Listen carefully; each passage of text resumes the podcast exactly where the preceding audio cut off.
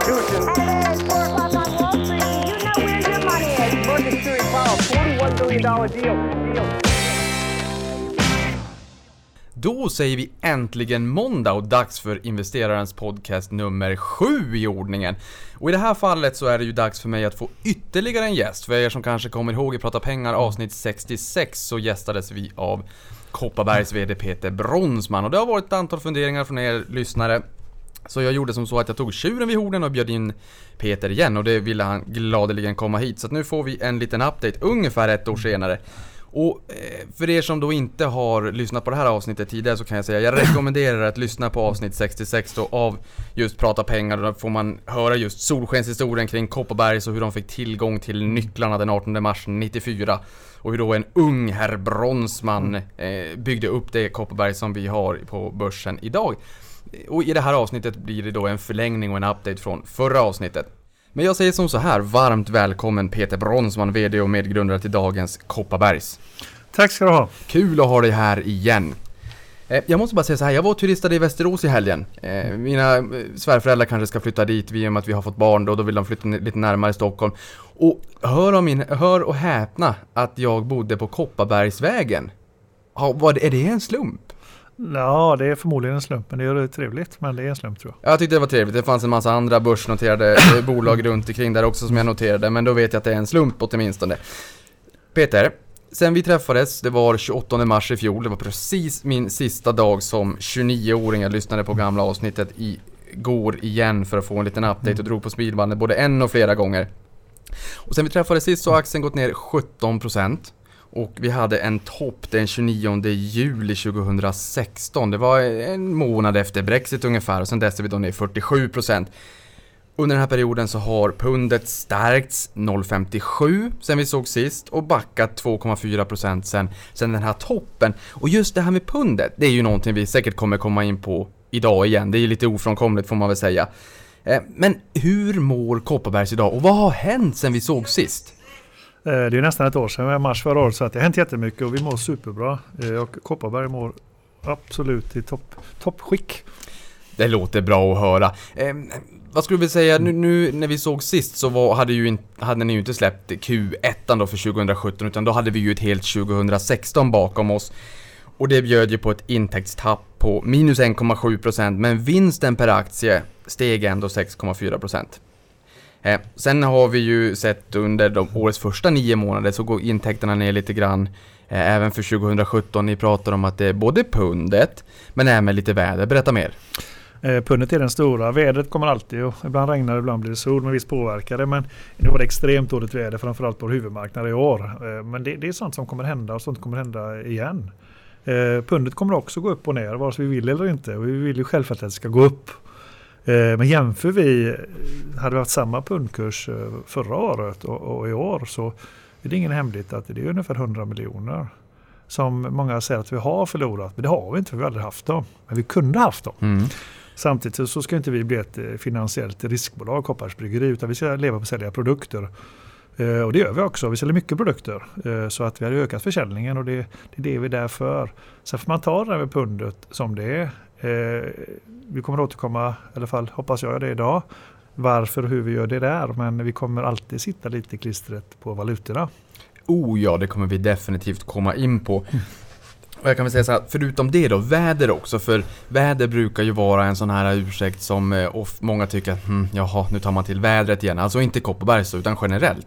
Men jag har ju förstått att det här vädret, eh, det som någonstans gör det lite mer egalt om man så får säga är ju att jag har sett att även konkurrenter har haft det jobbet kring eh, vädret. Berätta mer, hur, hur stor komponent är vädret? Hur, hur, eh, hur mycket tenderar kunderna att faktiskt göra någonting annat? Sitta hemma och spela tv-spel istället för att gå ut och dricka cider om vädret är lite bistert?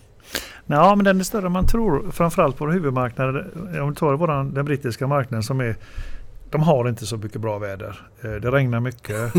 Eh, Stackars. Ja, men det är ett fantastiskt land. Eh, Och det är så här att man väl får bra väder under en lång period. Då får man att man vill prova nya produkter. Och det är det våran styrka. Att vi, vi kan nå så många mer konsumenter som normalt inte hade provat våra produkter. Vi vet att får vi produk- eller konsumenterna prova våra produkter då säljer vi betydligt mycket mer året efter. Eh, Men samtidigt vårt sätt att bygga bort det lite grann. Det är liksom den, här gamla grejen är att vi vill flytta eh, vädret till Spanien och kanske vi vill sälja lika mycket i, på brittiska öar som vi gör. Vi vill öka och vi kommer öka. Jag får, jag får nästan ledsen säga att jag tror inte att äh, inte ens artificial intelligence som ett buzzword nu för tiden kommer att påverka så att ni kan flytta vädret. ja, men jag, jag menar så här, vi ska inte flytta vädret men vi ska flytta så att vi kommer att öka på de länderna så att vi vet, visst blir det bra väder på, eh, på de, man säger Nordeuropa inklusive de brittiska marknaderna, då får vi en högre försäljning och mer kunder och det vill vi alltid ha. Däremot kan vi öka försäljningen på de marknader som till exempel Grekland, Italien som är väldigt små idag, Spanien som växer. Då får vi mer stabil för de har mer det klimatet egentligen som passar för vår huvudprodukt eh, cider. Dricker man en kall cider med mycket is i Mm. solsken, det är betydligt mycket godare, eller uppfattas godare än kanske en, en regnig dag eh, normalt sett. Så att vi är beroende av bra väder för våra produkter. Så att min dröm är kanske att vi ska öka eh, mycket mer en framtid på det, det vädret är mer stabilt året om. Mm. Så att vi, vissa pratar om den geografiska mixen och det kommer vi att komma in på. Men här pratar vi även om den solmässiga mixen. Och någonting som du pratade om tidigare förra året när vi träffades, det var ju också att Grekland faktiskt hade varit en viktig marknad för er initialt och säkert fortsatt där. Och idag har du ju också med dig en kollega från Grekland. Och jag tyckte det var så fantastiskt när du kom hit, eh, du hade en, en mobilapp för din kollega pratar bara grekiska. Och jag pratar inte grekiska. Men, men då hade du en app så att jag kunde prata och sen så översatte den där bara direkt till grekiska och så pratade vi si så emellan. Fantastiskt. Och nu ska han komma till Sverige och göra vad då? Eh, det är hela hans företag som kommer hit. Utan de är 11 säljare som kommer hit i Stockholm. Vi visar dem runt lite på den svenska marknaden. Och imorgon de åker de upp till fjällvärlden. Så de får kontrasternas kontrast. De kommer från ett eh, soligt, drott, det är ändå lågsäsong i Grekland men ändå, de har väl 20 grader lite sol där nere. Så får de åka upp den fantastiska fjällvärlden som är en och en halv meter snö och kallt och åka skoter och så. Så att vi visar upp lite om det bästa av Sverige på vintern. Och den fjällvärlden är fantastisk. Jo, och någonting som jag eh, fastnade lite grann för där som vi pratade inför podden här innan vi började spela in också var ju att ehm, jag drar mig till minnes förra podden i fjol då att just ölmarknaden i Sverige de- de- den är ganska domestik. Där är ni i mångt och mycket på hemmaplan. Sen är det kul om man hade gjort en internationell expansion också men ja, mera på hemmaplan. Medan cider det är liksom bolagets exportvara, exportsuccé. Men jag fick en liten känsla här för att den svenska marknaden inte alls är så dum heller. Berätta mer. Nej, vi växer hela tiden på den svenska marknaden. Den är viktig. Men det är klart, tittar man eh, på ett större perspektiv eh, att Kopparbergs cider är urviktig för oss på exportmarknaden och kommer alltid vara. Det är där vi ska fokusera. Men vi har inte glömt den svenska marknaden. Det är därför vi har liksom, eh, på den svenska marknaden jobbar vi mer med helhet med öl och cider. Och andra drycker också för den delen. Även med John Scotts pubkedja till exempel. Men på exportmarknaden är vi bara fokuserade på det vi är bäst på. Det är cider. Och framförallt ciderexport i detta fallet då. Eh, och det gör att vi växer och växer och växer och vi kommer att växa och vi, vi kommer att ha så mycket att göra i, i framtiden som man bara kan drömma om att, att, man har, ju- att, man kan hamna där man vill göra. Och sen får vi se hur lång tid det tar men växa ska vi göra på, på, på rätt länder självfallet. Skönt, det låter bra som aktieägare. Det kanske jag också ska bara tillägga här att mina aktier i Kopparbergs de äger jag fortsatt så att det är ingen förändring där då. Så att, vi, så att alla vet att jag sitter på Kopparbergs aktier. Men om vi säger så här då, 2018 Två veckor in, fantastisk start på, på det här börsåret, fantastisk eh, fart i USA i fjol. Men om vi tar någon prognos då, vad, vad tror du om försäljningen för Kopparbergs 2018? Nu är det här ingenting som ni har eh, aviserat om i marknaden så att jag menar, du får väl berätta det lilla du kan om någonting, men vad tror du Peter? Nej, jag får självfallet vara försiktig för vi, vi släpper Ja. ju snart vårt resultat. Men det, det, kan man, det kan man utläsa även i, i Q3 att resultatet är ner. Men det hänför sig till, eh, till pundkursen. Och det är inget konstigt egentligen för att om vi säljer från det svenska moderbolaget för en miljard över till vårt engelska dotterbolag. Då kan man ju räkna ut snabbt med huvudet, om man är snabb, man inte ens vara snabb, man kan räkna ut ändå, att det är pundet 11 eller 12, då är det ungefär 10 procent. Då är det, då är det 100 miljoner som görs. Eh, och det är inte så mycket vi kan göra åt det än. Vi kommer hålla på att ändra lite grejer. Jag gillar det där än, det där kommer vi komma in på. Och då är det så här att man däremot försäljningen upp är lite, alltså vi, har mer, vi säljer mer produkter från bryggeriet än vi gjorde året innan. Och det gäller även i år. Och det där vet jag är någonting som ligger dig varmt om hjärtat Peter. Just det här att inte fokusera på faktorer man inte kan påverka. Typ som pundet och Brexit och hur det påverkar exportbolag till, den, till de brittiska öarna. Men försäljningen och att sälja mer av varorna, få ut dem, öka penetrationen, öka medvetandet, få fler människor att dricka era produkter. Hur går det där? Jag menar, jag vet att ni också ökade eh, volymerna här hittills de rapporterna jag läst på fram till den senaste då. Men, men vad tror du framåt där också? Ser det, ser det ut som att ni har medvind när det kommer till just antalet liter sålda? Om vi då helt skippar pund och andra valutor. Ja, de kommer ju ändå sammanfalla senare. Men självfallet, så vi ökar och vi vill öka och vi ska öka. Eh, och återgå till den brittiska marknaden som är jätteviktig för oss. Eh, vi ibland brukar jag säga att ibland sitter man ju liksom i, i britternas knä lite grann. Eh, och då finns det två saker man kan göra åt detta.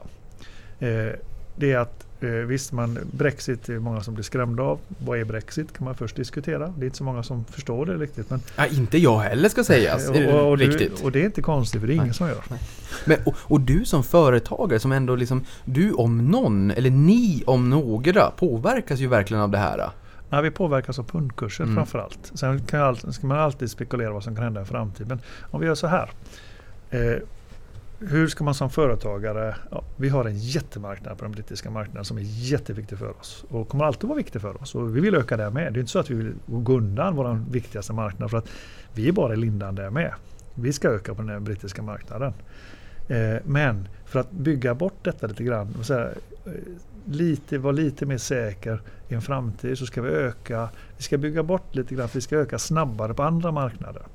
Så den brittiska marknaden ska fortfarande öka, men vi ska snabbare än andra marknader. Det betyder att vi kommer på sikt eh, alltid vara beroende av den brittiska marknaden och den valutan som är där. Men den kommer att vara mindre, vi kommer vara mindre beroende av för att vi, vi kommer öka så snabbt i andra valutor. Och nummer två då, för att göra detta så att det går lite snabbare, det är att vi lägger över stor del av inköpen i den lokala valutan som är pund i detta fallet på den brittiska marknaden ökar upp lite produktion på den brittiska marknaden för att få ett flöde. För att då gör vi någonting som egentligen inte har med det finansiella att göra utan man gör det på det dagliga. Att vi köper in och producerar i deras egna lokala valuta. Just det. För, och det där är väldigt intressant mm. och du säger ju någonstans också att ni ska absolut inte skala ner. Jag menar, Storbritannien var en marknad som, som var, låg kring 460 miljoner liter i slutet på 90-talet. Vet du, du sa förra året. Eh, när vi träffades i mars i fjol så var den uppe på 900 miljoner. Det är väl klart att man kanske inte ska välja bort världens största sidemarknad. Nej, den ska vi fortsätta öka. Den ska ni fortsätta öka dessutom. Men vi, vi ska försöka öka den med mindre risk vad det gäller. Nu går vi från liter det folk dricker som är mitt allt till egentligen det finansiella. Och då kan vi på något sätt bli lite säkrare. Att vi får producera mer och mer, vi kan köpa in mer och mer i den lokala valutan. Eh, risken är självfallet att eh, pundet på sikt blir jättestarkt. Visst, då blir vi att då hade vi på det året förlorat faktiskt. Eller att den är som är idag, då kommer vi ha mer balans i det. Och på, men på sikt är det bra att ha en bättre balans. Det kommer alltid gå upp och ner. Just det. Ja men precis, det blir egentligen mot, motsatt effekt om det är så att ni tar mycket kostnader och sådär i pund och att den då mm. stärks. Då blir det ju helt omvänt. Men, men det här är fortfarande ganska intressant för att som sagt marknaden har, har växt jättemycket. Men, men jag gillar det här, vi brukar ju säga, eller jag brukar säga att eh, om det är så att en aktie i en portfölj stiger väldigt mycket som man vill äga under väldigt lång tid, alltså långsiktigt. Ja, då kanske man inte ska sälja aktierna i det här bolaget utan då kanske man får ta utdelningen om bolaget ger en utdelning och investera i de andra bolagen som finns finns i portföljen så att man behåller den här risken. För att det är ju jobbigt att ha en sumobrottare på relingen på en liten eka. Och i det här fallet så gör du ju samma sak. Du säljer inte bort den här fina aktien som har gått upp jättemycket i portföljen. Du minskar inte och tar inte ner på takten i UK utan vill få liksom den geografiska mixen, spridningen och bättre valutaflöden istället. För det är ju bara att se på det. De som har varit med i Kopparbergs lite mer kortsiktigt har ju sett att pundet påverkar ju absolut. Jag menar, här har vi också tagit fram, jag ser en graf framför mig, jag visar grafen till micken så ser ni den också. En jämförelse på 10 år, alltså 2008 till 2018 och det har ju varit en fenomenal resa. Sen hade ni också låg värdering och var lite oupptäckt pärla. Det önskar man att de fallen fanns idag. Nu är ju det mesta högt värderat. Ehm, men eh, tittar man på lite längre perspektiv, och det är någonting som jag också förordar, att vara långsiktig, så har det varit en fantastisk resa. Och jag vet att ni säger att eran cider är en exportsuccé. Sen har vi absolut vodka också, men nu är det lite franskt. Och inte så lite heller. Inte så lite heller. Det är en, en jättefin graf som jag visade er i mikrofonen. Jag hoppas ni njöt av den lika mycket som vad jag gjorde. Men De här länderna då, om vi så säger att man ska utöka den geografiska mixen. Vad har vi för länder där som vi funderar lite grann? Jag vet Australien och USA och, och Sydafrika har ju varit eh, Ja, men det, är, vurmade det, marknader. det, det är de tre du nämner. Här. Det finns, ett, eh, finns många fler länder förutom det, men de stora sidoländerna. Det är USA, vuxit mycket. Du har eh, Sydafrika och Australien. Eh, och kan vi göra en, den resan vi vill där, då kommer vi fortfarande öka. Vi kan öka, fortfarande öka på den brittiska marknaden, vilket vi vill. Eh, men vi kan även öka, som jag sa förut, på de andra marknaderna fortare. Då får vi en bättre balans. Men det viktigaste är ändå att våra kunder vill köpa produkterna utomlands och det är det vi märker. Mm. Du tittar också på ett bolag som Kopparberg idag. Vi tjänar mycket pengar, vi är ett fint bolag. Som du själv säger, vi har vuxit väldigt snabbt. Aktieägarna kanske upptäckte oss. Eh, eh, har de upptäckt oss. Självfallet tycker jag det är jättetrevligt och det ska vi vårda. Men till tjuven så är vi ett fantastiskt bolag trots att vi kanske hade haft de här 100 miljoner på pundet. Eh, nu fick vi aldrig dem men, eh, vi, vi, men fortfarande är det ett fantastiskt bolag som vill mycket. Vi vill utvecklas och vi fokuserar också. Vi fokuserar på rätt produkter och det är cider på rätt marknader. Och framförallt om vi kan få lite värme på de länderna så är det, då är det liksom topp, topp.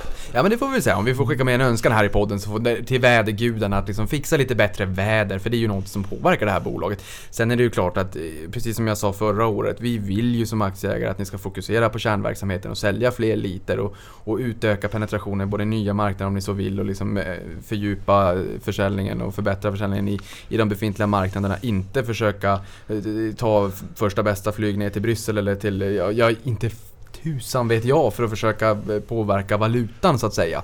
Det är vad det är. Ehm, men om vi säger så här då, att eh, sidemarknaden, hur står sig den nu? Växer den lika mycket som tidigare och har konkurrensen börjat hårdna? Jag vet att ni har premiumprissättning på era produkter. Är det så fortfarande? Är det lika enkelt eller börjar det bli lite mer utmanande? Nej men det har varit utmanande hela tiden. Så så att det är enkelt när vi kom till den brittiska marknaden för snart 20 år sedan. Och de kastade ut oss egentligen. Så att självfallet var det tufft då med. För då visste de inte vad det var. Eh, så utmaningarna har vi. De har vi varje dag. Eh, Det kommer aldrig vara lätt. Eh, Och framförallt inte lätt för oss för att vi ska dels ska vi sälja. Så ska vi sälja till ett premium. Vi är en premium product. Vi måste vårda Kopparbergs varumärke. Och börjar vi fuska med det, då, då, då kan vi, då kan vi liksom förstöra det vi byggt upp. Och det kommer aldrig att hända. Eh, Men att det är svårt att komma in på marknaden, det är det. Mm. Vi får kämpa som tusan, men det har alltid fått göra. Exakt. Och trots det har vi gått utanför radarn kanske för de andra bryggerierna. Och det du nämner att kommer konkurrensen att komma? Ja, visst har den kommit. För att, jag vet inte om jag ska vara stolt ibland eller jag ska vara arg. För att jag vet ju att det, det står ju om de stora bryggerierna ska utveckla en, stor, en ny produkt så står det en flaska Kopparberg och på deras eh, produktutvecklingsteam och säger gör något liknande. Jag vet detta. Och då kan jag tänka mig att jag blir jättestolt, vilket jag blir. Mm. Men jag vet också att jag får ju konkurrens. Ja. Eh, Men jag tror på konkurrens. Eh, Visst, frågar de mig så här så, så vill jag ju vara ensam. Men det hjälper oss också att bli bättre, det gör det. Och framförallt kan vi få, som inte man kanske tänker på, på många marknader vet vi inte vad cider är. Kan vi få en av de här stora drakarna, kanske vår gamla samarbetspartner som, som tyvärr inte finns idag, Saab Miller eller, eller de uppköpta, då, så de, de kan ju inte göra det. Men någon liknande den storleken. Börja lite med cider och öppna marknaderna så kan vi komma in, kanske som nummer två på många marknader med en, tycker vi, en mycket bättre produkt. Det hade hjälpt oss många marknader så att man kan få lite hjälp, draghjälp. Vi har aldrig fått det. Vi har fått jobba helt... i- De volymerna vi har som är stora idag, de har vi skapat ja, från knacka dörr egentligen. Ja. Vi har aldrig fått någon hjälp. Vi har liksom inte köpt någonting utomlands. Något stort bolag som hjälpt oss med detta. Etc. etc. Så att det är ett hårt arbete från ett litet brygge i Bergslagen kan man säga. Men, men går det att få den räkmackan på något sätt tänker jag? För ni har gjort det som ett, som du säger, knackat dörr och gjort ett hårt arbete. Finns det några marknader utöver då Australien, USA och Sydafrika som kan vara intressanta? Som kanske är oupptäckta pärlor, slipade, oslipade diamanter där du känner att skulle vi kunna partra ihop oss med en gigant som har distributionen och liksom, som har sin business där så skulle det vara mycket enklare och billigare och vi skulle våga på ett annat sätt ge oss in i en marknad. För menar, det kan ju också bli en kostsam historia om man ger sig in i ett nytt land eller en ny marknad som är lite oupptäckt som kanske behöver liksom förstå den här sidan. För jag menar, UK var ju en jättestor, världens största sidemarknad. Torr cider förvisso, ni kom in med den söta och sen så pratar alla Kopparbergs när det är söt cider. Men de som inte riktigt känner till att de egentligen borde tycka om den här typen av produkter. Skulle det vara ett sätt att våga Ja, ja. Skulle vi få, ja, vi vet ju det, att skulle vi få en, en partner, eh, en land som kanske inte vet riktigt vad cider är, sen om det är, om det är kanske Indien eller om det är Kina eller Ryssland till exempel. Då vet vi att skulle vi komma ut på den marknaden med våran smak och det vi kan, då hade vi vunnit många, många års för att nå slutkonsumenten. Vi vet, når vi slutkonsumenten, då är vi vinnaren. Just det. Ja, de kommer alltid tillbaka. Mm. Så vi har ett vinnande koncept och det är därför vi ökar också hela tiden. Men, men vi har fått kämpa för lite. Vi får fortfarande kämpa och vi, ska kanske, vi har inte fått den där, den där turen att ja, oh, wow, här händer någonting. Nu kommer vi in på den här. Eh, för att kruxet är att de partner vi har, vilket jag förstår, de vill ju sälja sina egna produkter i första hand. Mm. De kanske inte riktigt förstår att de kan tjäna mer pengar om de säljer en kopparbergscider än den här kanske lo lokala produkten, om det är öl eller något annat. Mm. Vi kommer att ge oss över till Asien, men innan vi sätter oss på det planet så tänker jag att vi kan eh, stanna lite grann i, i eh, London eller Storbritannien. Ja, London, varför det? Storbritannien, UK. um, för, för, för någonting som är, som vi har pratat mycket om nu, det är ju pundet. Mm. Eh, och jag vet ju att ni har terminssäkrat tidigare, för de som inte känner till det. Ni säkrar ju liksom så att ni vet på vilka valutanivåer ni gör vissa affärer. Så ni skyddar egentligen mot valutafluktuationer. För det kan ju lätt vara så att man ska göra en affär på en viss nivå, sen så hinner pundet ändras och sen så kanske en affär blir en förlustaffär i slutändan. Fortsätter ni med terminssäkringarna och har det blivit mer eller mindre av den varan? Nej, det var som jag skrev i Q3 förra året var det att eh, det var den sista. Eh, då hade vi Q, eh, det blev till kvartal två förra året då, eller tre. Då, det var den sista. Sen dess har vi inte gjort det och eh, vi kommer nog inte göra det tror vi.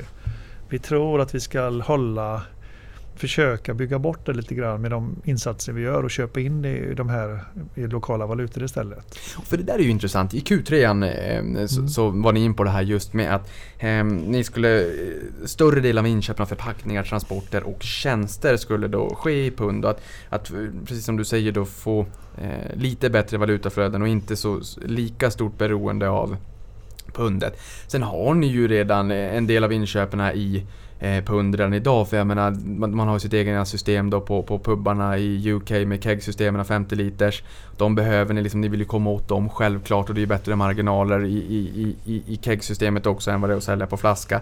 Eh, det jag tänker det är ju att när, du, när vi träffades sist så sa du att ja, men vi slår redan i kapacitetstaket. Vi kan liksom inte, vi kan inte producera en 33 centiliter dryck till. Vi köper kapacitet på stan. Det här är ju en fundering. Vi får liksom ställa oss frågan vad är, eller vart ska vi framåt egentligen med Kopparbergs innan ni tar en capex-cykel och tar stora investeringar?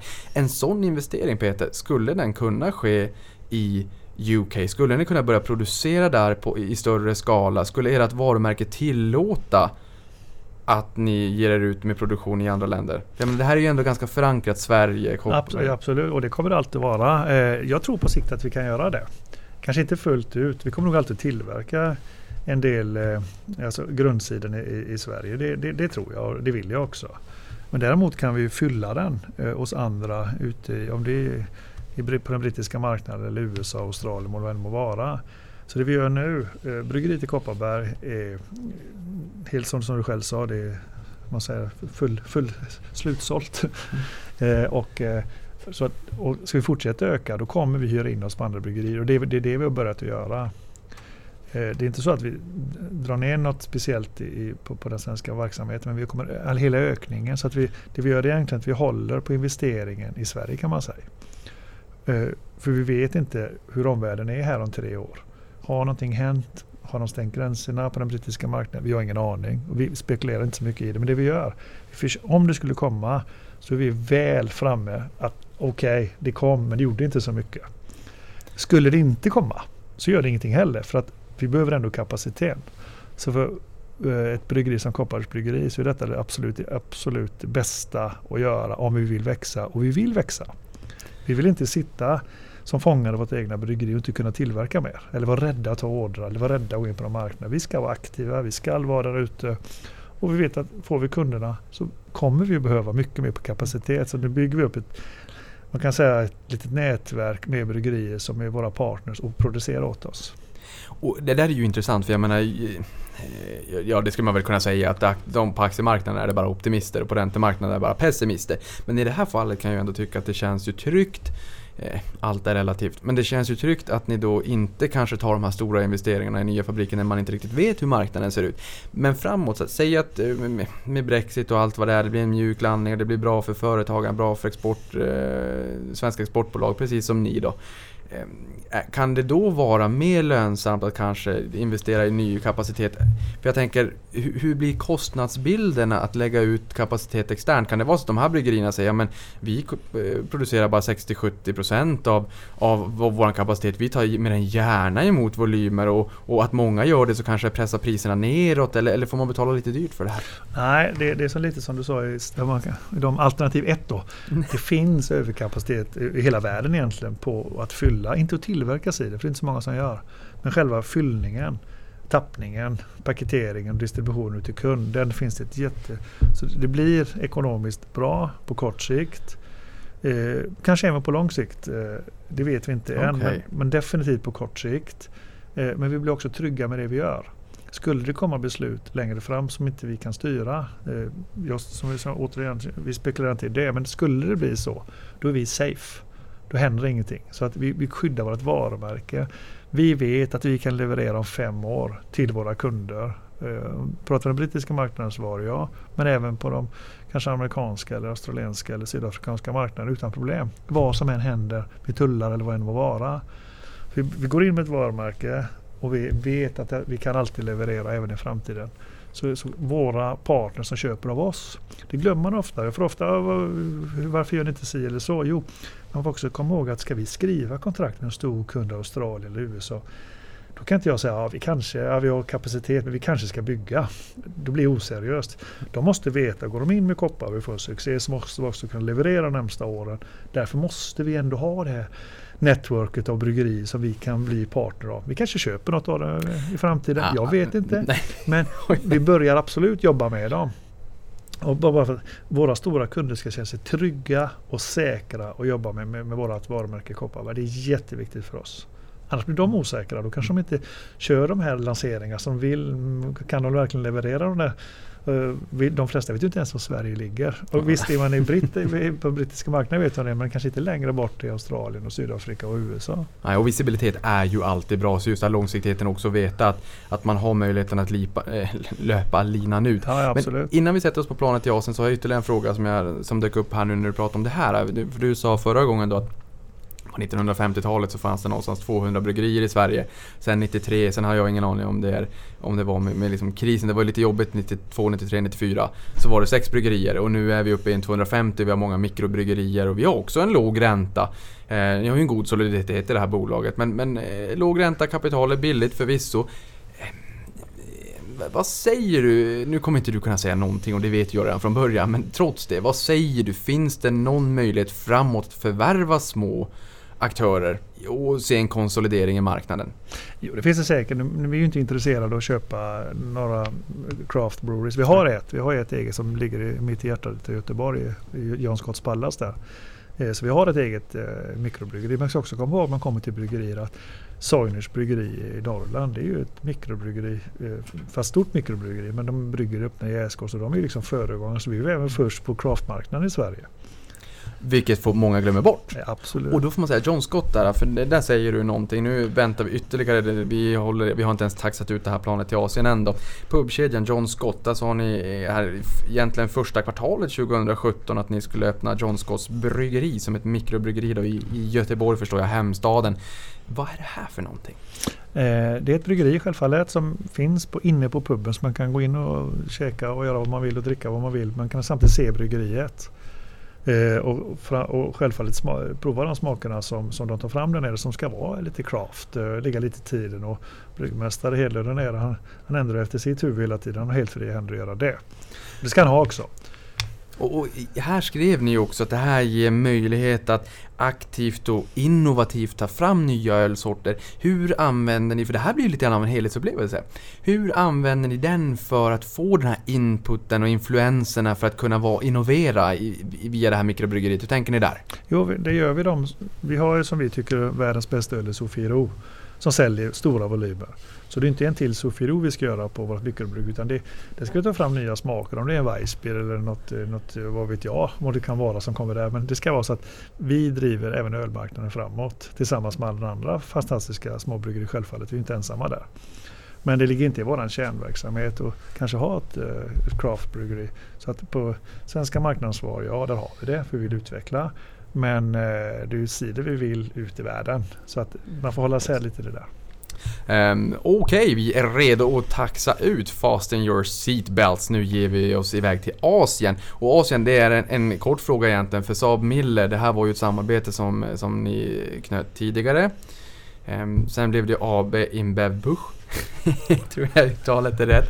Sen lades det där väl lite grann kanske på eh, på, på is. För att jag menar den exponeringen ni fick var ju mot asiatiska marknader och de var ju vad jag förstod inte kanske riktigt lika intressanta i dagsläget i alla fall.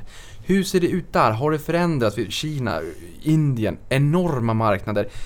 Kan det här vara marknader där man är lite sugen på sidor framåt? Jo men det är det och det kommer att växa och det, kommer, och det växer även för oss. Vi har ju väl en sju länder tror jag då som vårt gamla Submiller-avtal fortfarande hänger kvar. Sen får vi se hur det blir dem i framtiden men jag är helt säker på att den asiatiska marknaden, eller hela Asien egentligen, kommer att växa och bara man får en bra partner. Det är återigen detta, vi skulle behöva en stor mm. stark partner som öppnar marknaden. Då vet jag att Kopparbergs Cider kommer vara där. Jag vet inte om jag kanske aldrig mer får komma till den här podden men om jag skulle få komma tillbaka eh, om något år så kan det hända fort i Asien. Men det är ingenting som vi fokuserar. Är där, vi har säljare där, vi, har, vi följer. Men vi fokuserar mycket mer på de länderna som jag sa precis. För att vi mm. måste lära oss att fokusera och det gör vi. Så det ligger i pipeline, det kan gå fort men det kan också ta lite längre tid. Men, men i framtiden kan jag garantera att eh, det kommer finnas i många, många länder. Ja, då får vi säga för de som sitter och lyssnar på det här och kanske jobbar i branschen. Det här var ju helt eh, sonika en kontaktannons då för, för den asiatiska marknaden. Ehm, sen ger vi oss vidare till Australien. Där pratar vi om att den marknaden är någonstans eh, 50 miljoner liter. Kopparbergs har 3 miljoner liter. Ehm, de har 24 miljoner invånare mot 65 miljoner i eh, Storbritannien. Det borde ju vittna om en viss potential. Jag vet, Australien, det här var ju även, ni skriver lite grann om det i senaste rapporten också, ett nytt bolag där nere. Vad ser du framför dig i Australien? Jag tänker mig att de kanske liknar lite grann Storbritannien också när det kom, ja, berätta. Det gör det absolut, det gör det. Och så här är det med Australien, att du, som du själv säger att det är 24 eh, miljoner människor, men där har de solen med sig. Och det, så våran produkt passar alldeles upp, eh, alltså nästan för bra i Australien. Man, man, man får en, en, en kall sida med mycket is i så man, man blir en helt annan människa. Eh, så där, där passar den in. Eh, och då är tanken så att vi har idag ett bolag, helägt bolag i Australien som heter Copper Australia. De är fem anställda, sitter lite som ett litet eh, kontor i Sydney, mitt i Sydney. Och då är tanken att de ska driva den australiensiska marknaden inklusive öarna runt omkring. Till exempel Nya Zeeland. Då. Eh, och det är marknaden som vi fokuserar på. Den kommer att växa. Men hur mogen är den här marknaden? För jag, med, jag vet ju att när du pratade UK så var det marknaden, det sa ju bara swoosh så växte den här mm. ganska ordentligt på ett antal år. Är eh, Australien i sin linda här och kan den växa ordentligt framåt? Att ni kan bo, liksom få en strukturell swoosh också så att man inte bara behöver knycka öldrickare i Australien? Den kommer öka och vi kommer inte bara knycka. Man ska också komma ihåg att vår huvudkonkurrent är ju inte bara öldrickare, det är ju hela, hela dryckesindustrin. Du går ju för allt från vinet med rosévinet. Du går in till de här kanske någon energidryck och vodka och så kommer du på något annat och så kommer du på ett annat och sen kommer du förhoppningsvis till cider. Men vi vet att de flesta, nästan alla som dricker cider tycker det är gott. Det är något man har saknat i dryckessortimentet. Det är typ där vi kommer in. Och framförallt då så att vi vet också att de, tjänar, de kan tjäna mycket mer pengar om, alltså våra kunder kan tjäna mer pengar om de säljer våran produkt än någon annan. Och då blir det lite så här att visst ska vi vara med där. Bommen kommer att komma av Australien, jag är helt säker på. Helt säker. Men menar du där också att, det, för, för ni har ju prim, eh, premium, eh, premiumprissättning i, i UK, menar du att det, det, här även är en rätt lönsam produkt även för de man partar ihop med och de som är återförsäljare av era produkter? Ja, absolut. Jo, men så är det Det är inte bara Australien, alltså hela vår affärsidé är att de, våra, om det är helägda dotterbolag eller distributörer, men även kunderna, till exempel om det är en pubkedja eller en supermarketkedja i detta landet, Australien, så ska de tjäna mer på att sälja våra produkter till konsumenterna. Det är hela vår affärsidé och det, då, då, då betyder att de vill sälja detta kunderna får betala lite mer för det. Det är en premium. Men då gäller det också att vi ska uppfattas som premium. Det måste vara högsta kvaliteten, det ska vara de bästa etiketterna, vi ska alltid ha de schysstaste arbetsvillkoren etc. etc. Så vi ska, vi ska vara ett, en premium produkt från början. Alltså en riktig kvalitetsprodukt. Svensk kvalitet. Svensk kvalitet. Eh, och då, blir, då kan det bli så att våra kunder gillar oss extra för att de tjänar mer. Och då är det så här att vi vet ju att konsumenterna är villiga att betala mer för en flaska kopparbär eller något annat.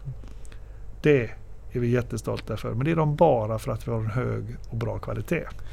Eh, lite grann av en win-win. Jag tycker vi gör som så här. Nu beger vi oss till USA för att, eh, säg tre, två, tre veckor ungefär innan du gästade oss i fjol så skrev Affärsvärlden en artikel där, man, där du sa att USA är eh, en dark horse.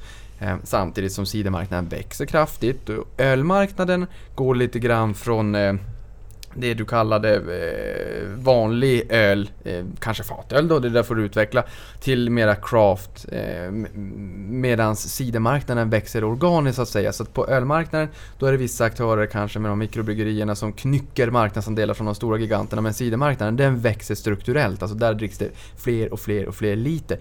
Eh, samtidigt som ni också har varit inne och testat på ert sortiment på Walmart i USA. Eh, hur, eh, hur går USA? Vad är temperaturen för er i Amerikat? Den är hög. Vi är fortfarande i linda i början. Det kommer ta tid. Eller också går det fort. Det, det vet man inte. Men oavsett det så kommer vi fokusera. Så om vi kommer sälja mycket inom en snar framtid eller tar längre tid. Det vet jag inte idag. Men jag vet, jag, det enda jag vet är att vi kommer att sälja i USA. Och, och, då kan man ju få en sån fråga, men vad händer om alla börjar dricka cider? Då får vi, då får vi bygga ett jättebryggeri. men samtidigt får man också eh, titta på hur vi går in. Och vi har ju fått en av de största aktörerna på vår sida som vi jobbar mycket med och vi lär oss mycket och vi lär dem mycket. Men det är samma där, de vet, kan detta komma ut på marknaden så är det en god ekonomisk sak även för dem. Mm. Och det är viktigt för oss att våra kunder känner det, att vi verkligen står bakom. Och, det här med premium eh, och allting när vi har förklarat varför vi är premium. Det är lätt att bara säga, men vi är verkligen det från allting. Och då blir det så här att wow, då får vi lite. Här är bra så att vi har med oss kunderna så att eh, jag är optimistisk. Mm. Och sen hur lång tid det tar det får vi se. Men jag kan säga då att vi fokuserar på det. Mm. Kul att höra och någonting som jag också gillar det är ju pilotskolan, att man själv har en stek med i bolaget. Och, och eh, som sagt 18 mars här för ett herrans massa år sedan, 93, 94 var det va? Så fick ni ju nycklarna till det här bryggeriet du och din bror Dan. Um, och, och, du har liksom byggt upp det här under hela livet från det att du var 29. Jag vill bara reda ut en sak så att vi har det klart för oss. Du kommer köra det här livet ut, eller hur? Eh, ja, som det ser ut idag och det, jag har liksom aldrig sålt en aktie sådär. Så att jag, jag, jag tror på detta hela mitt hjärta. Mm. Eh, det är ett fantastiskt bolag, så varför ska jag sälja det? Du får inte återinvestera utdelningen så att, eh, så free floaten försvinner. Och liksom, du måste lägga något tvångsinlösen på det här bolaget. Men på tal om innovation då. Innovation är viktigt för många bolag. Du pratar om nya produktlanseringar och sådär. Hur ser pipelinen ut för produktlanseringar? Jag vet, förra året pratade vi om craft cider, elk warning, eh, som ett nytt sätt att ha, liksom, gå in på den mikrobryggeri eh, eller craft-delen som är populär bland öl. Nu testar ni cider också, du hade en bra story där. Du, du får gärna dra den storyn om du vill och sen så eh, berätta lite grann om pipelinen och även sparkling, rosé och så här. Hur ser det ut? Generellt sett så, det beror på vilken marknad det är. Tar du den brittiska marknaden så har vi varit med så länge nu så det förväntas ju våra kunder att vi kommer med någonting mer. Och det är inte bara att komma och dundra ut massa nya smaker för det, det vill vi inte och det ger inte liksom Visst, det ger en kortsiktig försäljning men det tar ofta på det du har. Vi vill ju lansera så att så vi gynnar våra kunder. Därför har vi börjat lansera till exempel vi har våra standardsmaker som jordgubb lime eller om det är päron i vanliga halvlitersflaskor.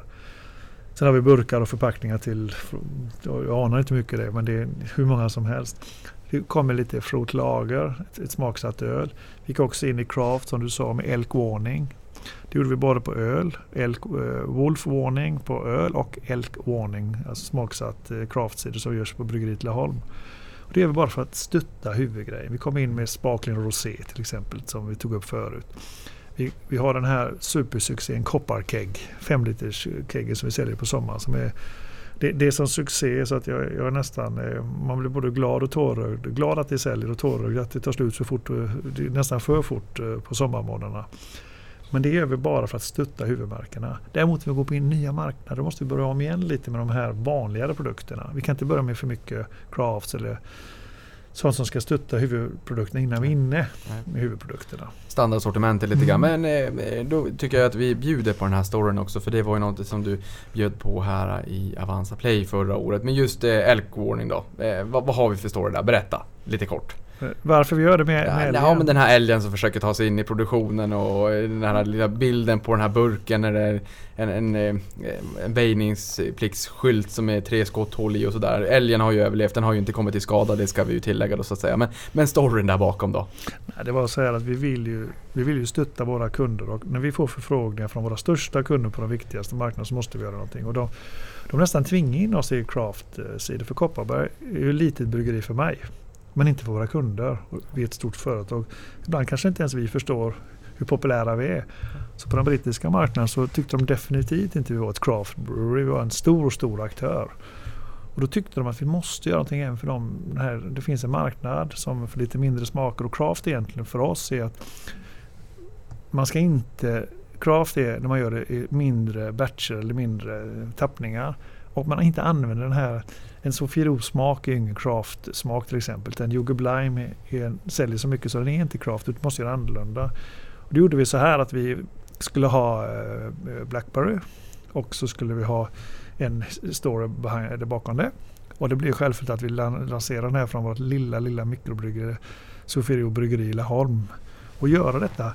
Vi har ju ändå ett bryggeri så att risken var ju så här att jaha, nu är Kopparberg så stora i UK. Nu kommer de vara med ett namn, ett craft som många andra gör.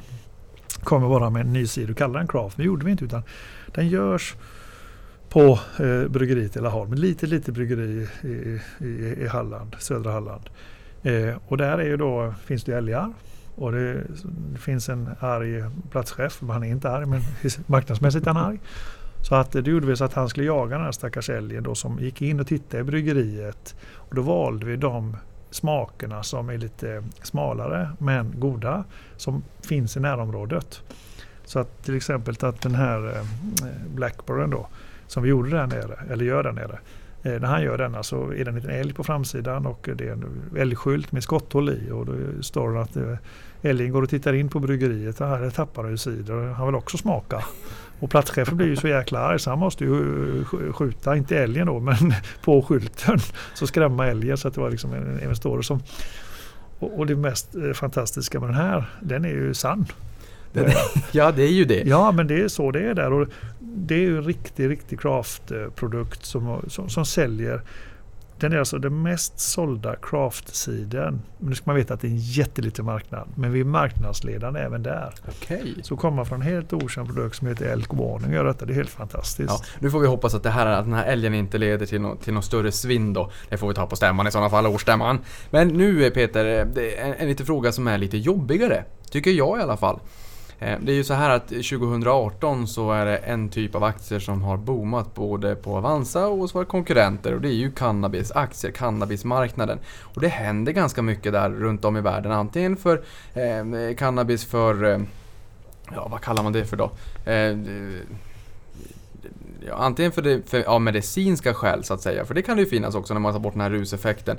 Eller för ja, pleasure om vi så ska säga. Jag kan ju också lägga in en disclaimer att jag använder inte den här typen av produkter själv. Ehm, men marknaden växer stort och jag menar, vi kan ju inte förbjuda våra kunder att handla den här typen av aktier eftersom att de är börsnoterade. Det händer mycket där ute. Jag har också sett Constellation Brands med typ Corona som varumärken som är en stor aktör som köpte 10% av eh, Canopy Growth Corp för att ge sig in i det här segmentet. Det växer snabbt, man vill göra drycker med på, på cannabis-temat. Eh, hur ställer du dig till det här? Ja, först är jag väldigt okunnig på ämnet måste jag säga. Ja, det är jag också. Så att, så att ni som lyssnar vet att vi, ingen av oss eh, är speciellt kunniga på det här ämnet. Men, men du är ju definitivt kunnig när det kommer till bryggerier. Ja, och så här är det. Vi kommer aldrig att investera, om det var frågan, i någonting som ens kan tänkas att skada vårt varumärke eller som inte vi står bakom. Så att, eh, idag hade vi aldrig gjort en sån investering. Även om jag vet att eh, man kan köpa på börsen och sådär. Men det är inte, tycker jag, eh, värt att ska, eventuellt skada ett varumärke som vi har byggt upp på något som vi inte står bakom. Så att eh, då, de aktievinsterna hade inte vi velat ha. Men eh, eh och det, där måste vi alltid vara hårda. Hur vi än gör med varumärket Kopparberg så måste vi vara jättenoga hur vi använder, hur företaget sköter sig etc. Så på den här frågan har det blivit nej då. Ja, och det är ju också intressant för jag menar som sagt, du har varit i det här bolaget sedan du var 29, 29. Du är inte 29 idag. Det kan jag säga bara för att göra dig lite gladare. Det är inte jag heller. Eh, det var jag förra gången vi sågs. Ehm, och, och, du har sagt att du ska köra det här bolaget som det ser ut just nu, livet ut. Så att, men, du kommer behöva se dig själv i spegeln varje morgon, livet ut säger jag också. Jag menar, har man skadat varumärket med en sån här typ av investering, eller risken finns ju det är ju inte så roligt. Det är kul att få liksom den inputen för jag vet faktiskt inte hur man ska ställa sig till det här. För vi har ju både de här rena cannabisaktierna och sen så har vi ju eh, Constellation Brands är ju ett jättestort bryggeri. Och sen så har vi andra typer av bolag med olika lampor och hit och dit, så underleverantörer till den här branschen. Alltså det, det, det, har tagit mig på sängen, det här har blivit så stort så snabbt. Men, men kul att få ett eh, svenskt bryggeris syn på, på, på den här trenden då i alla fall. Sen utdelningen. Eh, det är ju faktiskt någonting som har, nu i och med att eh, aktiekursen är ner 47% sen 330 den 27, 29 eh, juli 2016 samtidigt som utdelningen har gått från 2,40 till 5,90 här på tre år så den är upp 145%. Eh, vilket innebär också att utdelningen kanske en krockkudde på nedsidan. Direktavkastningen stiger ju när aktiekursen faller lite grann. Sen är det inte så här, åh vad bra att aktiekursen faller för direktavkastningen stiger. Men det är ju ändå trevligt att få den här lilla utdelningen varje år. Och gud förbjude att ni konsumerar den. Jag vet inte hur Peter gör, han kanske får säga det här sen. Men, men återinvestera i sådana fall antingen i, i Kopparberg som det så att ni äger det, eller i något annat bolag i portföljen så att ni verkligen får den här ränta på ränta effekten. Men finns det en ambition om att höja utdelningen varje år. Nu har ni höjt den jättemycket på tre år. Så bortskämda behöver vi inte bli. Men att du höjer lite grann varje år. vad, vad säger du om det? Eh, vi vill ju gynna våra aktieägare så mycket vi kan. Eh, och går bolaget bra så delar vi ut pengar. Och det är inget snack om det. Det har vi sagt det hela tiden. Eh, och vi vet att vi delat ut eh, bra om man jämför med många andra bolag. Men vi har också tjänat mycket pengar. Så visst, nu vet jag inte, nu har vi inte beslutat i år vad utdelningen blir. Självfallet har vi en hint om det men, eh, jo, men, precis, men det, det, det tar vi senare. Men om vi, om vi pratar historik. Ja, ja, inte du och jag så att säga, ska ni, ni som lyssnar på det här utan när, när, bokslut, när, när rapporten och bokslutet kommer. Alltså, I bokslutet då lägger man fram förslag till, till årsstämman att besluta om utdelning. Så att inte ens jag, inte ens trots att jag står här och poddar, får några no förmåner att veta vad utdelningen är. Men pratar man, det med hela min... Jag tycker att vi jobbar, vi sliter. Eh, vi har aktieägare som också jobbar och sliter. Och då tycker man, tittar man på Kopparbergs bryggeri så ska man lära sig hur tänker de här? hur tänker den styrelsen? Hur tänker de här ägarna bakom det här bolaget? Och det är ungefär så som vi är. Backar man lite grann och tittar, de som hinner, jag vet att göra investeringar i med alla tusentals bolag tar ju jättelång tid, men de som tittar på Kopparbergs bryggeri så det är ingen som blir besviken. Hur vi rapporterat våra siffror, hur vi har delat ut. Det finns en långsiktighet i allting vi gör. Och ha en utdelning till våra aktieägare, den är långsiktig. Men självfallet så ska vi dela ut när vi tjänar pengar och det är inget snack om det. När ni delar ut 55% av resultatet nu i alla fall här får jag liksom eh, en känsla av att det kan kanske inte varje år, jag hoppas varje år, men om man ser det på lite längre sikt att det faktiskt tenderar att stiga eh, över tid. Sen eh, har du ju varit på en och annan, annan årsstämma också, det får man ju minst sagt räkna kallt med. När jag var på, på Warren Buffetts bolagsstämma i Berkshire Hathaway Omaha, Nebraska 2015, det var också 50-årsjubileum, så satt jag med ett, några bönder och då brukar man säga att flygplatsen är full av chartrade jetplan. Ehm, för att alla har varit med, eller många har varit med på den här resan när man trodde på den här unge Warren. Och det har varit en fenomenal resa. Två miljoner procent sedan 1964 när, när han då köpte det här bolaget. Ehm, du, eh, min kontentan, och det jag vill komma till i slutändan. Det är, i och med att du har varit på så många årsstämmor, ser du att det är många återkommande ansikten som har varit med under en lång tid. Kanske från, liksom, du kommer ihåg när aktiekursen stod i 25 öre. Då vet inte jag om den var noterad eller inte men, men det har ju varit en lång resa i antal år men även eh, finansiellt. Känner du igen många? Många, många. Vi har många fina aktieägare och många eh, bra aktieägare. Och, eh, jag måste säga att alla aktieägare jag har träffat i alla fall är väldigt bra förståelse. Och jag hoppas att man, vi vill ha dem, kan inte jag styra alla för att köpa en aktie, men man får önska. Det får man alltid. Så vill man ha de här som är långsiktiga och gillar detta. De, de, visst, allting kan hända på resans gång, men de ska känna ett förtroende från våran sida. Köper en aktie i Kopparbergs Bryggeri, oavsett vad som händer i världen så vet vi gör det bästa för, allt, för, för aktieägaren på lång sikt. Sen visst, vi har delat ut jättefina utdelningar.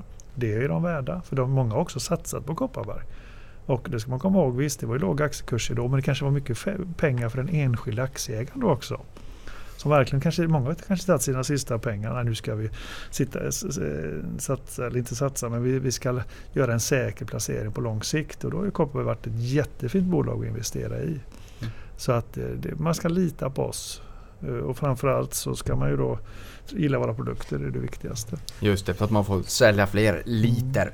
Sen har vi ju en styrelseledamot av Wolfgang Voigt som sålde, det tror jag sa rätt, det, det får du rätta mig annars, som sålde 14 000 aktier för 2,4 miljoner. Det här skapade lite diskussioner, lite spekulationer i social media och investeringscommunityt. Eh, jag kan tycka att det var 3,3% av innehavet. Han, har ju, han är fortfarande sjunde största ägare. Eh, Och livet kan ju komma emellan, det kan ju finnas någonting som man behöver pengarna till. Kan du kommentera det på något sätt? Jag personligen tycker ju att det är ju inte... Det hade varit en annan sak om man hade sålt 50%. Jag känner min eh, före detta bryggmästare mycket. Han är fortfarande bryggmästare, men inte huvudbryggmästare. Han har ju titeln kvar självfallet. Eh, jag känner honom mycket väl för han har ju en av de viktigaste personerna. Vi byggde upp detta bolag sedan 94. Eh, och att han säljer pyttelite, del, det, det är ju han. Det tycker att han, vill han göra det så ska han göra det. Han har varit med så pass länge så att det ser inga konstigheter i alls faktiskt. Nej, och det är ju bra för er som lyssnar på det här också, för jag vet att diskussionen har funnits där och jag menar, det finns ju signalvärde och så finns det signalvärde och det finns kanske tusen anledningar att eh, köpa en aktie och en anledning att sälja en aktie. Men i det här fallet så tycker jag att Tittar man på signalvärdet och att det är en väldigt, väldigt liten post och att livet kommer emellan och har Wolfgang varit med sedan 94. Ja, ni förstår vart jag är på väg och, och vart jag står i frågan så får ni helt enkelt bilda er egen uppfattning. Sen har det kommit lite frågor om Sojners också, Sojners julmust. Det vissa tycker att nu, men nu har jag sett den här jättemycket runt om i butikerna. Förut så var det beställningsvara och någon annan tyckte så att ja men nu vill jag banne mig höra, inte bara höra, jag kräver att Peter skryter lite grann om Sojners julmust. Berätta, vad, vad tänker du när jag säger sådär? Att det är en, den absolut ett helt fantastisk dryck som inte skapar av mig. Men jag är lika stolt ändå. Men vi har tagit den till nästa nivå. Eh, det började med för många år sedan. Redan där vi höll på med, jag tror vi hade Kopparbergs julmust, det pratade vi många år sedan, på en och en halv och vi sålde enorma volymer. Men det var till små, billiga för allihop. Vi tjänade ingenting, handeln tjänade ingenting, konsumenter fick köpa mycket julmust eh, till väldigt lågt pris. Men det var det på sikt, kan, det går inte att göra sådana affärer. Så vad vi gjorde här, om det, vi ligger alltid, vi har haft den förmågan att ligga väldigt i, i framkant och det gör vi även på julmustsegmentet.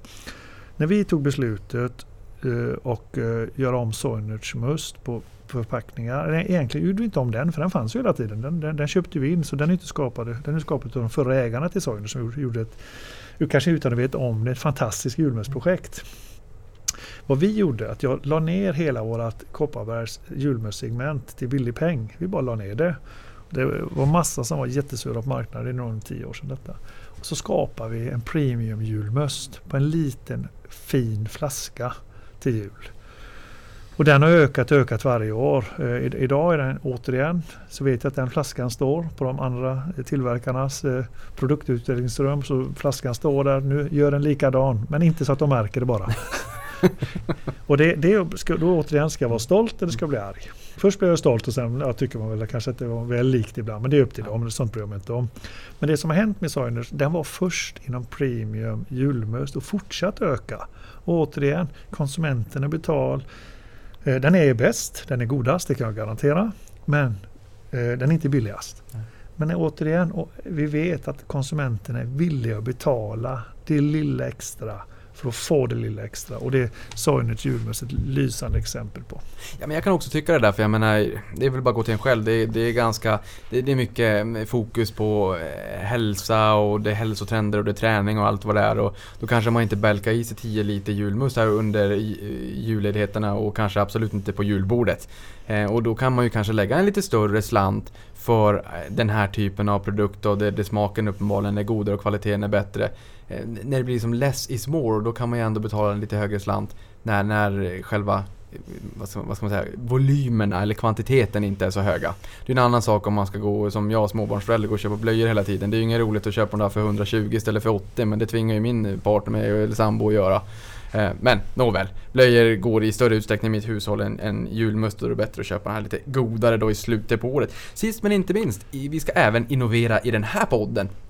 Och eh, nu har jag kommit på någonting här i slutet och det blir eh, avslutande. Det är Peters utsvävarminut. Så nu får du prata om vad du vill i en minut. Okej? Ja. Du är, Eh, först, du är första eh, gästen som får göra det. Jag kom på det igår kväll. Okej. Jag Ja, brukar ha en utsvävarkvart nämligen. Ja, ja, du får, det är fantastiskt ord. Sånt gillar jag ju.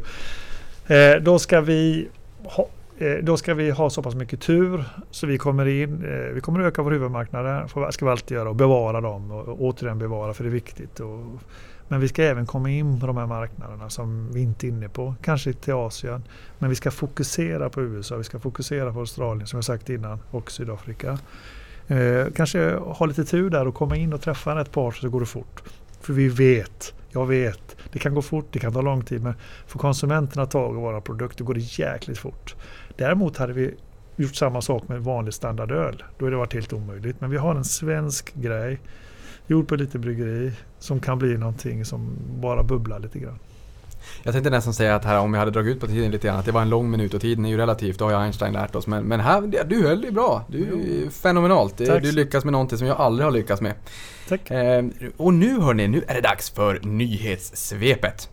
Och då börjar vi med Amazon som idag måndag öppnar sin butik, eller sitt butikskoncept Amazon Go i Seattle. Och det här har de hållit på att testa ungefär ett års tid och ni kanske har hört talas om det tidigare. Det är alltså den här butiken där man kan gå in man skannar sin eh, mobil, sen går man in och sen plockar man på sig de varorna man vill ha och sen går man ut därifrån. Och då kommer det här registreras via mobilen då på, på sitt konto helt enkelt. Så det är en, eh, ett butikskoncept där man inte har någon, någon kassa när man går ut. Um, och det här har ju varit mycket hysch och, och spånerier om man ska säga, kring just det här. Men nu öppnar det alltså, för det har varit öppet för anställda dessförinnan som har testat det här då. Nu öppnar det för allmänheten idag måndag när den här podden släpps. Sen fortsätter vi med Amazon och de kommer höja priset på sitt medlemskap Amazon Prime med 18%. Um, ehm, och då kan man ju säga så här att ja, de kan förmodligen göra det utan att tappa speciellt många Eh, prenumeranter ändå. Priset går upp till 12,99. Så att det här är vad man kallar för pricing power, alltså när man kan höja priset och är prissättare snarare än pristagare. Netflix gjorde det här för en tid sedan när man höjde priset på 10 till 16% beroende på vilket abonnemang man hade. I USA ska det här tilläggas vara också. Eh, vissa hade ju två skärmars till fyra skärmars abonnemang så var det alltså eh, 10 till 16% då.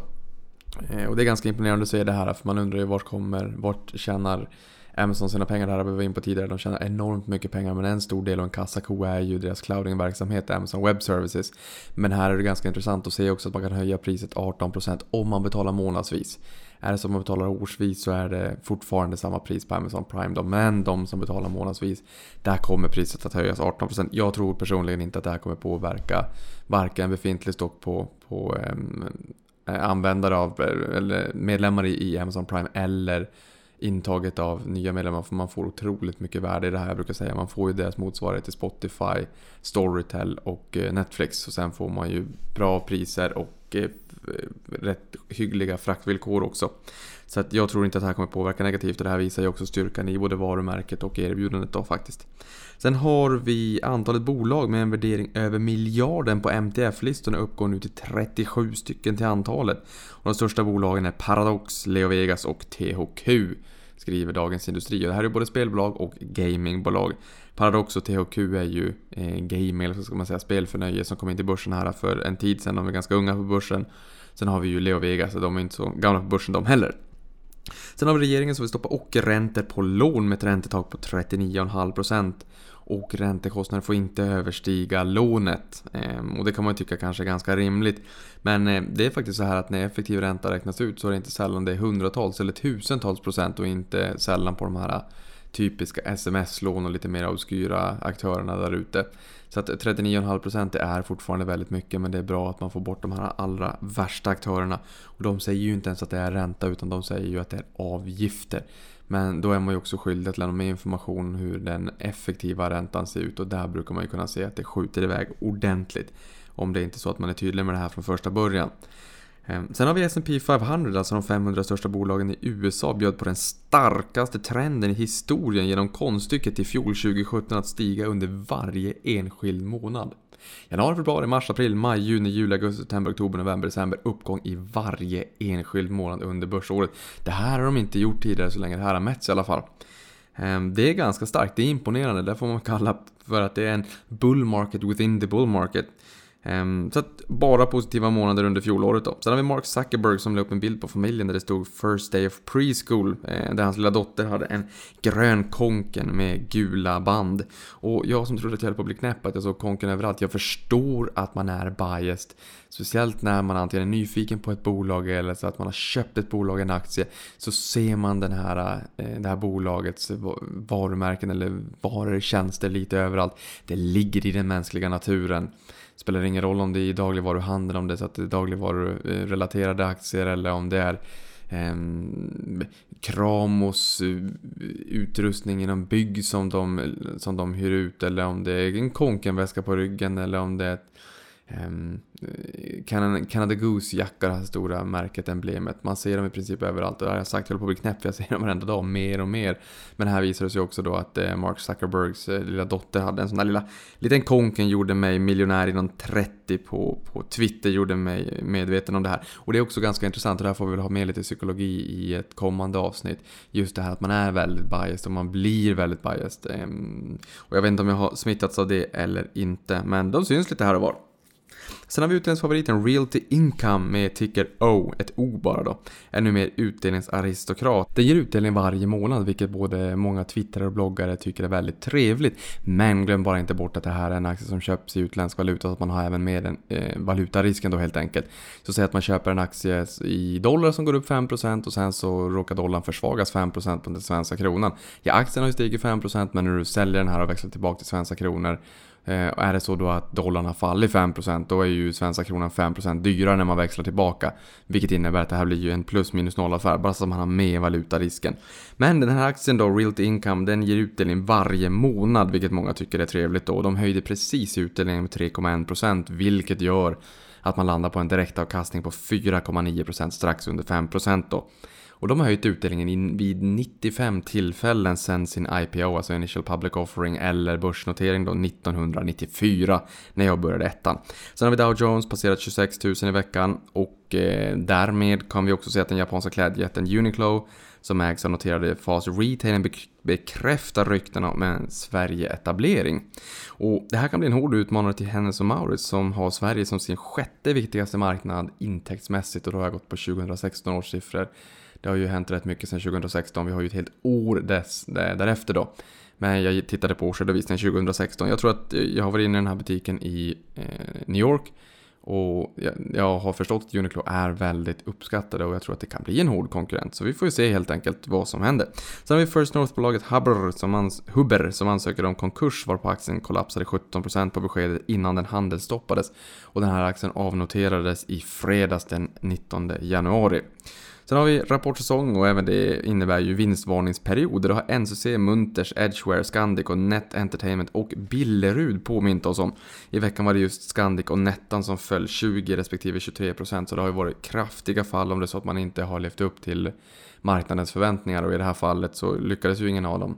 Ehm, och antingen om det är så att man inte lyckas, det är ju högt uppskruvade förväntningar såklart och börsen har ju gått väldigt bra. Så att här, äh, mm, det, det, gjorde lite ont för de här två bolagen. Det är alltså en femtedel av hela börsvärdet som raderats ut på en enda dag. Sen har vi Hans Wallenstam, VD för Wallenstam, då fastighetsbolaget som säger att regeringen är på väg att döda nyproduktionen av bostadsrätter och bär på ett stort ansvar för prisfallet på bostadsrättsmarknaden. Och i Dagens Industri så har jag tagit ut en del av artikeln då, ett stycke där det står att det är i princip stendött när det gäller folks intresse att teckna kontrakt för nya lägenheter. Och eftersom långivarna normalt kräver att minst hälften av lägenheterna är sålda i förväg, alltså innan man då börjar bygga, så blir det tvärnit för nya projekt framöver, säger Hans Wallenstam. Det här kan man väl ta som en liten varningsklocka också när det kommer till bolagen, alltså bostadsutvecklarna på börsen. Vi har ju Besqab och Oscar Properties, Tobin Properties, JM, Bonava eh, med flera, med flera. Det kan ju vara vettigt att fundera lite grann kring de här orden från Hans Wallenstam innan det är så att man är och fiskar i de här bostadsutvecklarna. Sen har vi det som även då rapporterar att finansprofilerna tankar i H&M. Gustav Douglas köpte 625 000 aktier i Q4, köper Skillingen strax under 100 miljoner kronor. Sven-Olof Johansson köpte 300 000 aktier samma period Q4 då. Hans position är värd strax under 150 miljoner kronor och sen har vi Petter Stordalen, hotellmagnaten från Norge som har eh, sett sitt innehav växa till 225 000 aktier i klädjätten. Det där lät ju inte speciellt norskt. Det enda norska jag kan är “Bedre en dram i timen än en timme i Drammen. Eh, riktigt vad det betyder vet jag inte. Och sen sist men inte minst, investmentbolaget Öresund skippar kontantutdelningen i år och istället delar man ut aktier i Bilia och MQ. För varje tiotal aktier i Öresund får man alltså en aktie i Bilia och en aktie i MQ.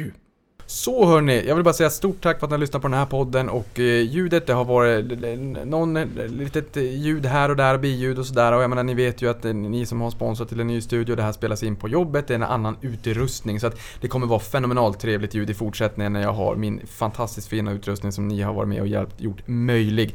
Stort tack för att ni har lyssnat på det här och stort tack Peter och stort lycka till framåt! Tack, det behöver vi. avkastning på er och god yield och allt vad det kan tänkas vara. Vi har ju ändå pratat om flytande procent. Hörni, vi hörs nästa vecka.